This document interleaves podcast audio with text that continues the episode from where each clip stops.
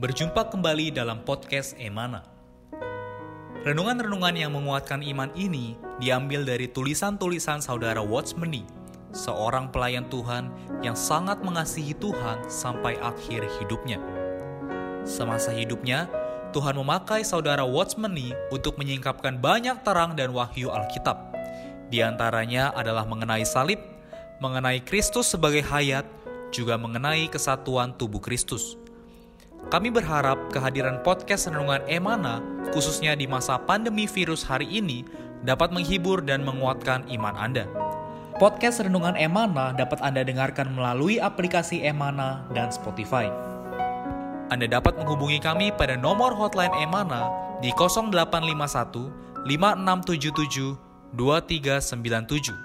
Sekali lagi Anda dapat menghubungi kami pada nomor hotline Emana di 0851 5677 2397. Buku-buku saudara Watchmeni secara lengkap dapat Anda peroleh di toko buku Yasmerin, Tokopedia, Google Playbook, atau di website resmi yasmerin.com.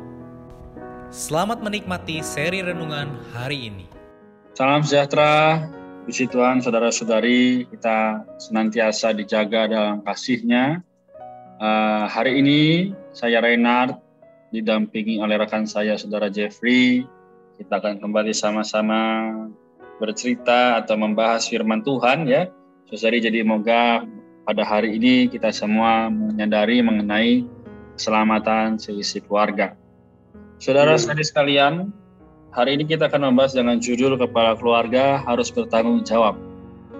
Dengan ayat yang diambil adalah Yosua pasal 24 ayat 15 yang berkata, tetapi aku dan seisi rumahku, kami akan beribadah kepada Tuhan. Bagaimana menurut saya Jeffrey? Sepertinya ayat ini juga sering dipakai sebagai ayat emas ya. Amin.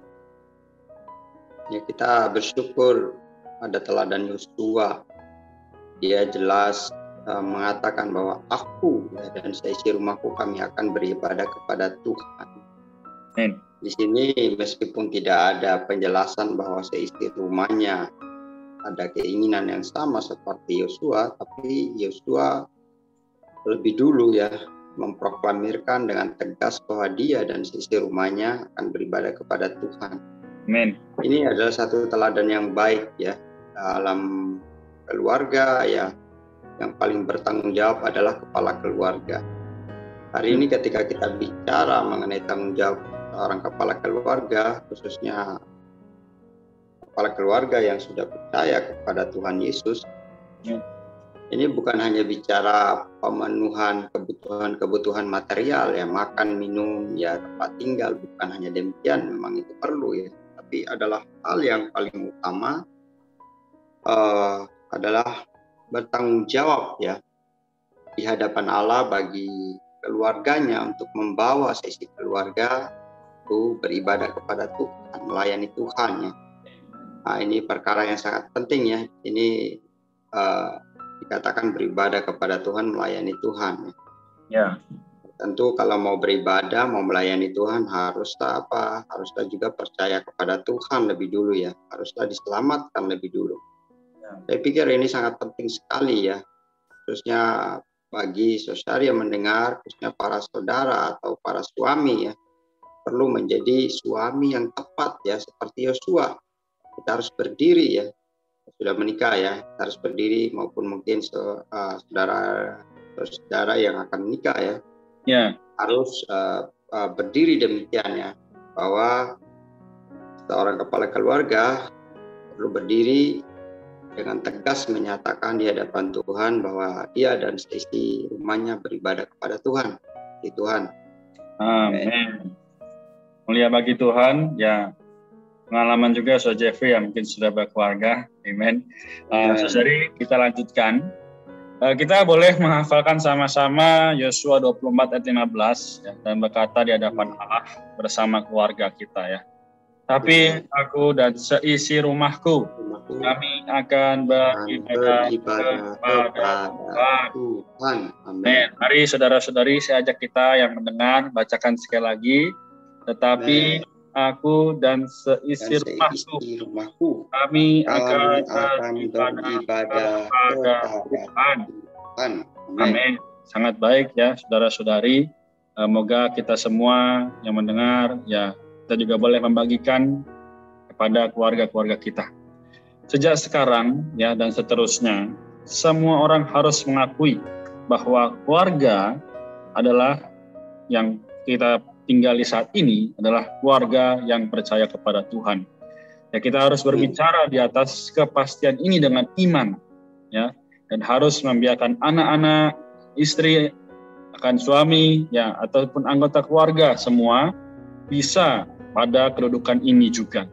Jadi saudara-saudari moga ya kita juga bisa memiliki kedambahan dan keinginan ini. Bagaimana menurut saya Jeffrey? Ya betul sekali, harus punya kedambaan yang demikian ya. Sejak sekarang ya, dan seterusnya kita perlu mengakui bahwa keluarga ini atau keluarga kita adalah keluarga yang percaya pada Tuhan. Jadi uh, sangat baik ya ini satu perkataan iman uh, yang membuka jalan bagi Tuhan bisa bekerja di dalam sisi keluarga kita ya ya meskipun belum semua anggota keluarga percaya kepada Tuhan atau belum beribadah kepada Tuhan, tetapi kita harus berdiri demi iman untuk uh, mengatakan demikian. Dalam uh, ada sebuah kisah ya, kisah nyata ya, namanya Josh Cutting ya. Dia sudah berusia 80 tahun ya, tentu sudah berubah dan juga kondisi tubuh sudah sudah lemah ya selalu berbaring di ranjang juga agak pikun ya. Dia punya keluarga lumayan besar ya lebih dari 80 orang ya besar sekali. Kemudian ada anak menantu cucu buyut ya semuanya ya. Tetapi meskipun demikian Josh Cutting itu adalah seorang yang benar-benar percaya kepada janji firman Tuhan ya. Amin. Yang di kisah para rasul ya dikatakan bahwa percayalah kepada Tuhan Yesus Kristus dan engkau akan selamat engkau dan seisi rumahmu. Uh, dia demikian percaya terhadap perkataan itu, maka sisi keluarganya pun beroleh selamat. Ini sungguh uh, benar-benar ya mengucap syukur ya pada Allah bahwa perkataan dan janji ini sungguh benar dan harus dipercaya. Amin. Ya, tidak hanya tentu ketika kita bicara demikian tidak hanya kita berbicara ya bahwa aku dan seisi rumah aku beribadah kepada Tuhan tetapi saya pikir uh, ada satu perkara penting ya kepala keluarga ya perlu benar-benar menjadi satu teladan yang baik ya, dalam penghidupan keluarga ya kalau kepala keluarga tidak bisa jadi teladan ya bagaimana bisa bawa sisi keluarga beri, uh, percaya beribadah kepada Tuhan. Ya. Uh, Tuhan ya ini benar-benar mohon Tuhan uh, membimbing ya khususnya menjadi kepala keluarga pasti tidak mudah ya. Ya. Karena kita memikul satu tanggung jawab, oleh karena itu kita mohon karunia Tuhan menopang kita ya. Nah, saya khususnya karena saya jadi sudah berkeluarga ya, ya punya anak ya. Ini juga mengingatkan saya bahwa mulai sejak hari ini ya saya perlu berdiri seperti Yosua ya bahwa sisi keluarga saya melayani Tuhan. Amin. Juga mendoakan keselamatan anak saya.